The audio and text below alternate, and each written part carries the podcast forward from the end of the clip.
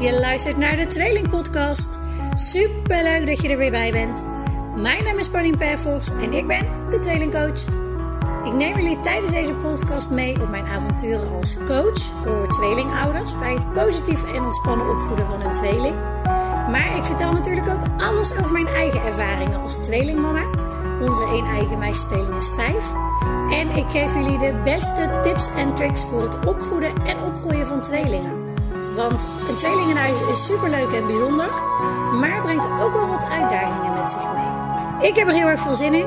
Ik hoop jullie ook. En ik wens jullie super veel luisterplezier.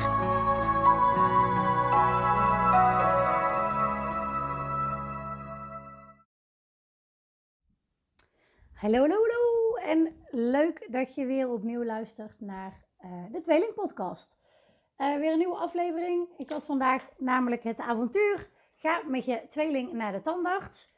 En um, nou, mijn familie en vrienden weten hoe uh, panisch ik uh, vroeger was voor de tweeling. Of voor de tweeling. nou, niet voor de tweeling. Wel voor de tandarts.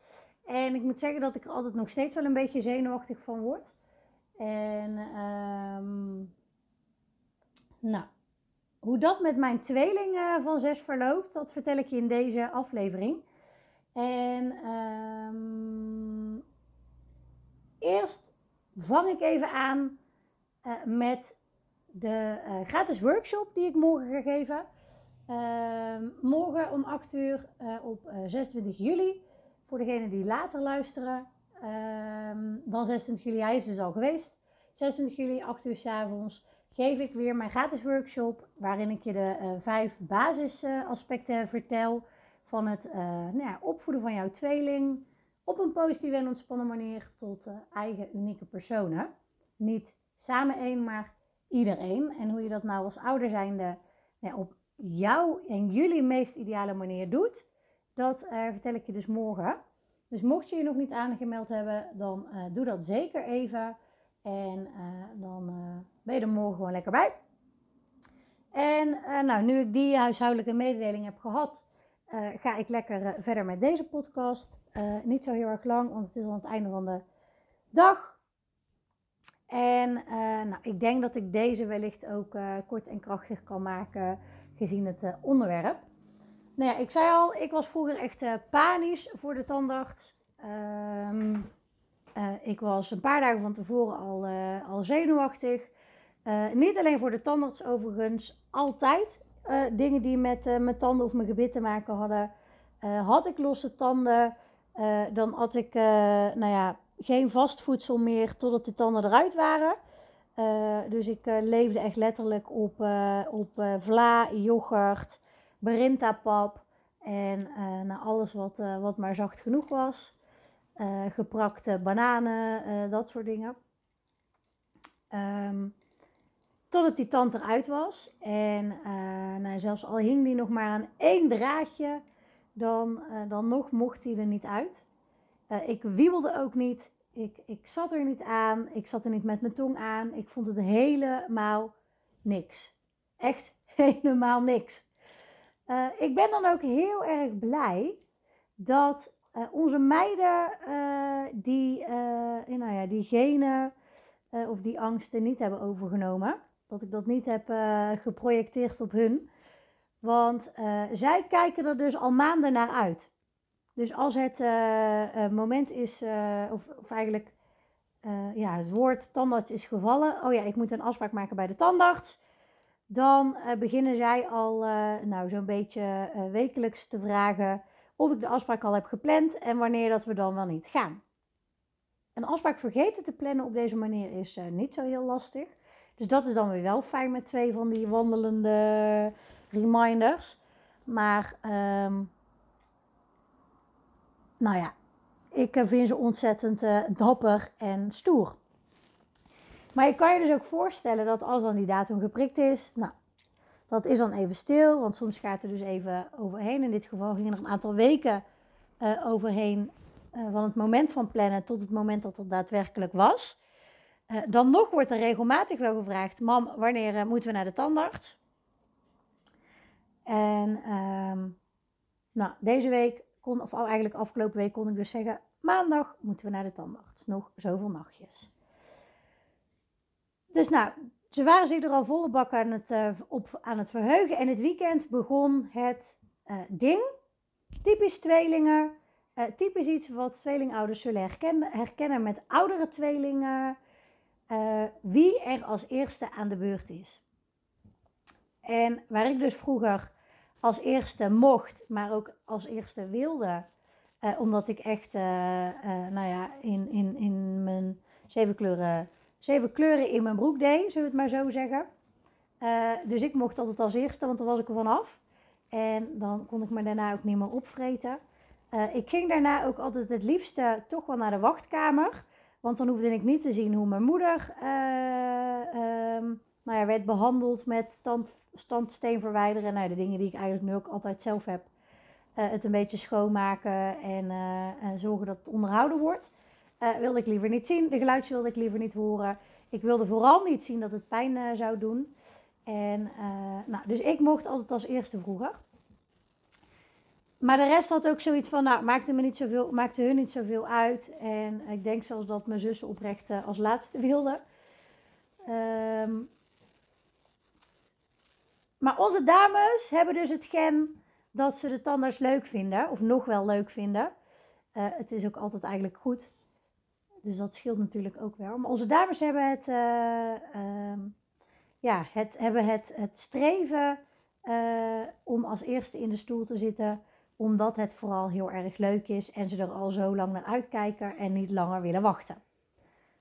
Ik kan me daar niks bij voorstellen, maar oké. Misschien jij wel. Mijn zus vond het ook altijd leuk om met het spiegeltje mee te kijken. Nou, mij niet uh, gezien. Dus dan krijg je dat. En dan krijg je in één keer mot, waar wij eigenlijk relatief uh, over weinig dingen, maar mot en strijd en oneindigheid hebben. Wat betreft eerstes of uh, uh, dat soort dingen. was dat dus nu wel van, van dien. En ik ga gewoon eerlijk met je delen dat ik dat niet op de meest handige manier heb aangepakt ook. Um, want het begon namelijk met ik weet niet meer hoe het zo kwam. Maar ik zei dus, mama gaat als eerste. Want ik dacht, dan ben ik er vanaf. Uh, toen, ik weet dus niet meer hoe, uh, was Charlie als eerste en Liz als laatste. Nou, als je Liz een beetje kent, weet je dat zij het niet zo heel erg goed doet op als laatste. Uh, ze is ook altijd haantje de voorste op school. Ze wil altijd als eerste op school zijn. Uh, uh, we moeten stipt om kwart over acht de deur uit. Een minuut later uh, kan echt niet. Um, hoewel de laatste weken ging het makkelijker omdat ze toen vooral klaar was met school. Gelukkig is nu vakantie. Maar die, um, ja, die wil dus altijd graag als eerst. Nou. Vervolgens hadden we bedacht, en ik weet dus niet waarom, hadden we, of misschien ook wel ze, hadden bedacht, we doen een getal onder de vijf. En wie dan als eerste, wie dan als eerste het juiste getal heeft geraden, uh, die mag dan dus na mij als eerste. Dus eerst ik en dan. En hierin ging ik dus de fout in. Want eigenlijk hadden we al besloten. En eigenlijk had ik op dat moment gewoon moeten dealen met de teleurstelling van Liz hierin. En oké, jongens, ik ben ook maar een mens, weet je, ik doe ook niet alles goed. Uh, maar dat leerde ik er wel van. Oké, en, en dat is ook wel echt altijd wat ik tegen ouders zeg. Blijf wat betreft dat consequent. En uh, dat dan degene uh, ja, die niet zijn zin krijgt, daar boos, verdrietig, teleurgesteld over is, dat mag. En steun diegene daar dan in. Benoem dan dat je ziet dat hij boos is of verdrietig is, dat hij ook heel graag uh, uh, als eerste wilde. Maar ja, dat er nou eenmaal maar één als eerste kan. Maar nee, daar, uh, dat stukje dat ontweek ik even. Um, ik denk ook echt dat, dat het de volgende dag was dat ze dus bedachten. dat ze dus weer vroegen: Mam, wie mag er als eerste bij de tandarts in de stoel? Dus getal onder de vijf. En vervolgens won Liz. En dan krijg je dus nou ja, hoe zeg je dat wel eens? Uh, het, nou ja, dan krijg je het gewoon weer terug op je bord. Want heel terecht, zegt Charlie dan. Ja, maar gisteren zei je dat ik als eerste mocht. Ja, oké, dat is ook wel zo. Dat heb ik niet handig gedaan. En dat durf ik dan dus ook toe te geven. En dat is dus ook iets uh, waar je van mag leren. En waar ik dus dit keer ook van heb geleerd is dat je terug mag komen op iets wat je hebt gedaan, als dat bijvoorbeeld niet handig is geweest. Dus ik zeg, geef dan ook gewoon toe, jongens, jullie hebben helemaal gelijk. Dit was niet handig van mama. Heb ik niet goed aangepakt. Vervolgens deed ik natuurlijk weer niet slim. Liet ik het toch maar weer een beetje in het midden. Ik zeg, nou weet je wat? Ik zeg, we kijken morgen wel even. We kijken morgen wel gewoon, als het zover is. Wie dat dan als eerste gaat. Dus ik stelde het hele crisismoment weer een keer uit. Vervolgens vandaag opnieuw, tanden waren gepoetst, om naar de tandarts te gaan. Wie mag er nou als eerste, mam? Ik zeg, nou, we doen hem nog één keer getal de vijf en jullie roepen tegelijk een cijfer. Nou, alsof het een tweeling is, en daar heb ik wel eens een reel over gemaakt, met die cijfers op, uh, op uh, gooien met je vingers noemen zij drie keer achter elkaar precies tegelijk, precies hetzelfde cijfer. En de eerste keer dus ook nog alle twee het cijfer wat het was, het cijfer 4. Dus ik zeg, ja maar meiden, ik zeg jullie moeten wel een ander cijfer noemen. Want anders, weet je, wint er alsnog geen. Nou, vervolgens won dus Charlie. Charlie zei 2, Liz zei 3. Dus ik zei, ja, Charlie heeft gewonnen. En Liz dacht dus dat Charlie weer drie zei. Dus die, die werd weer boos. Ja, nee. En ik zei ook drie. En ik zei al veel eerder drie. Dus ik zeg, maar schat, het was niet drie, het was twee. En Charlie zei twee. Nou, toen ging ze dus helemaal uit de plaat. En nou ja, ik kan niet ontkennen dat ik dat dus enigszins gevoed heb door het maar steeds uitstellen. Uh, en steeds ontwijken van uh, het, uh, het crisismoment. Maar daar was dus het crisismoment. En misschien nog wel in drievoud dan wanneer dat ik gewoon twee dagen geleden voet bij stuk had gehouden. Voet bij, voet bij stuk? Zeg je dat zo? Ik denk zo. Voet bij stuk had gehouden. Ehm, en toen had ik dus te dealen met haar teleurstelling terwijl we naar de tandarts moesten. Uh, niet handig. Dus haal er je lering uit uh, want op dat moment uh, moesten we dus eigenlijk naar buiten. Ging zij op de bank zitten mokken. Uh, tot het punt dat ze zei: Ik ga niet mee.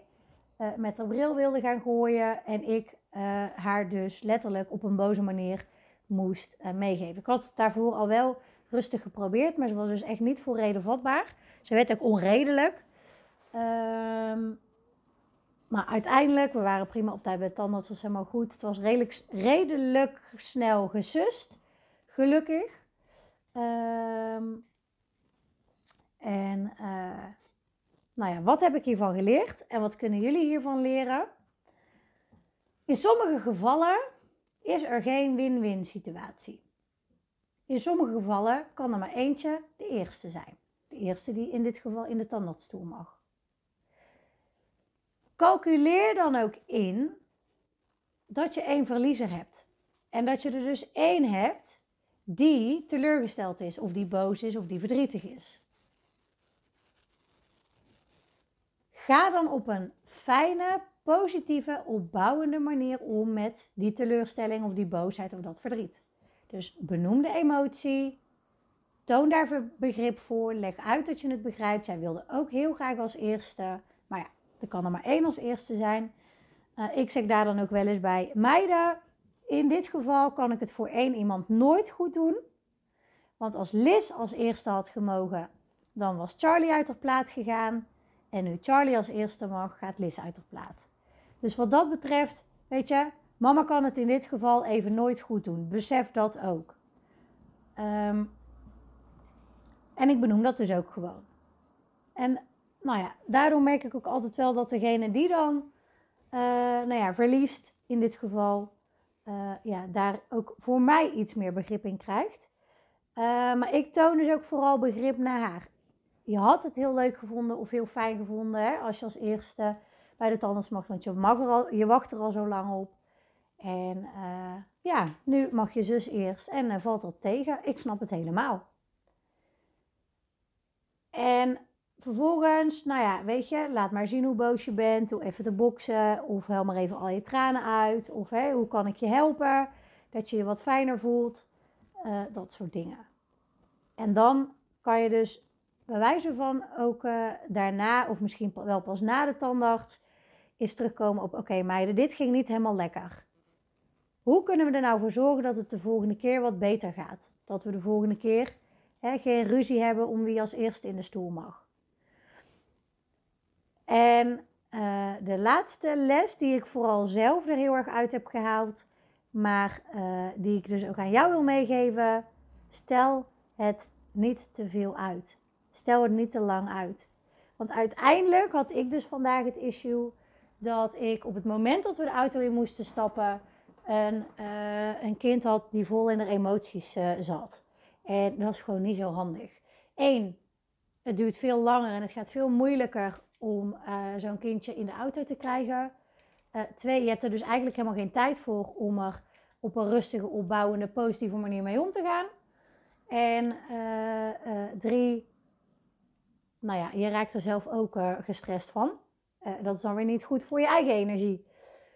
Dus wat dat betreft, haal deze lering eruit voor jou zelf. Stel het niet te lang uit. Hak gewoon die knoop door en blijf bij de beslissing die is gemaakt. En ja, dan heb je een kind dus, hè, die, die even wellicht over de zijk gaat. Maar nou ja, dat hoort er nou eenmaal bij als je twee kinderen hebt.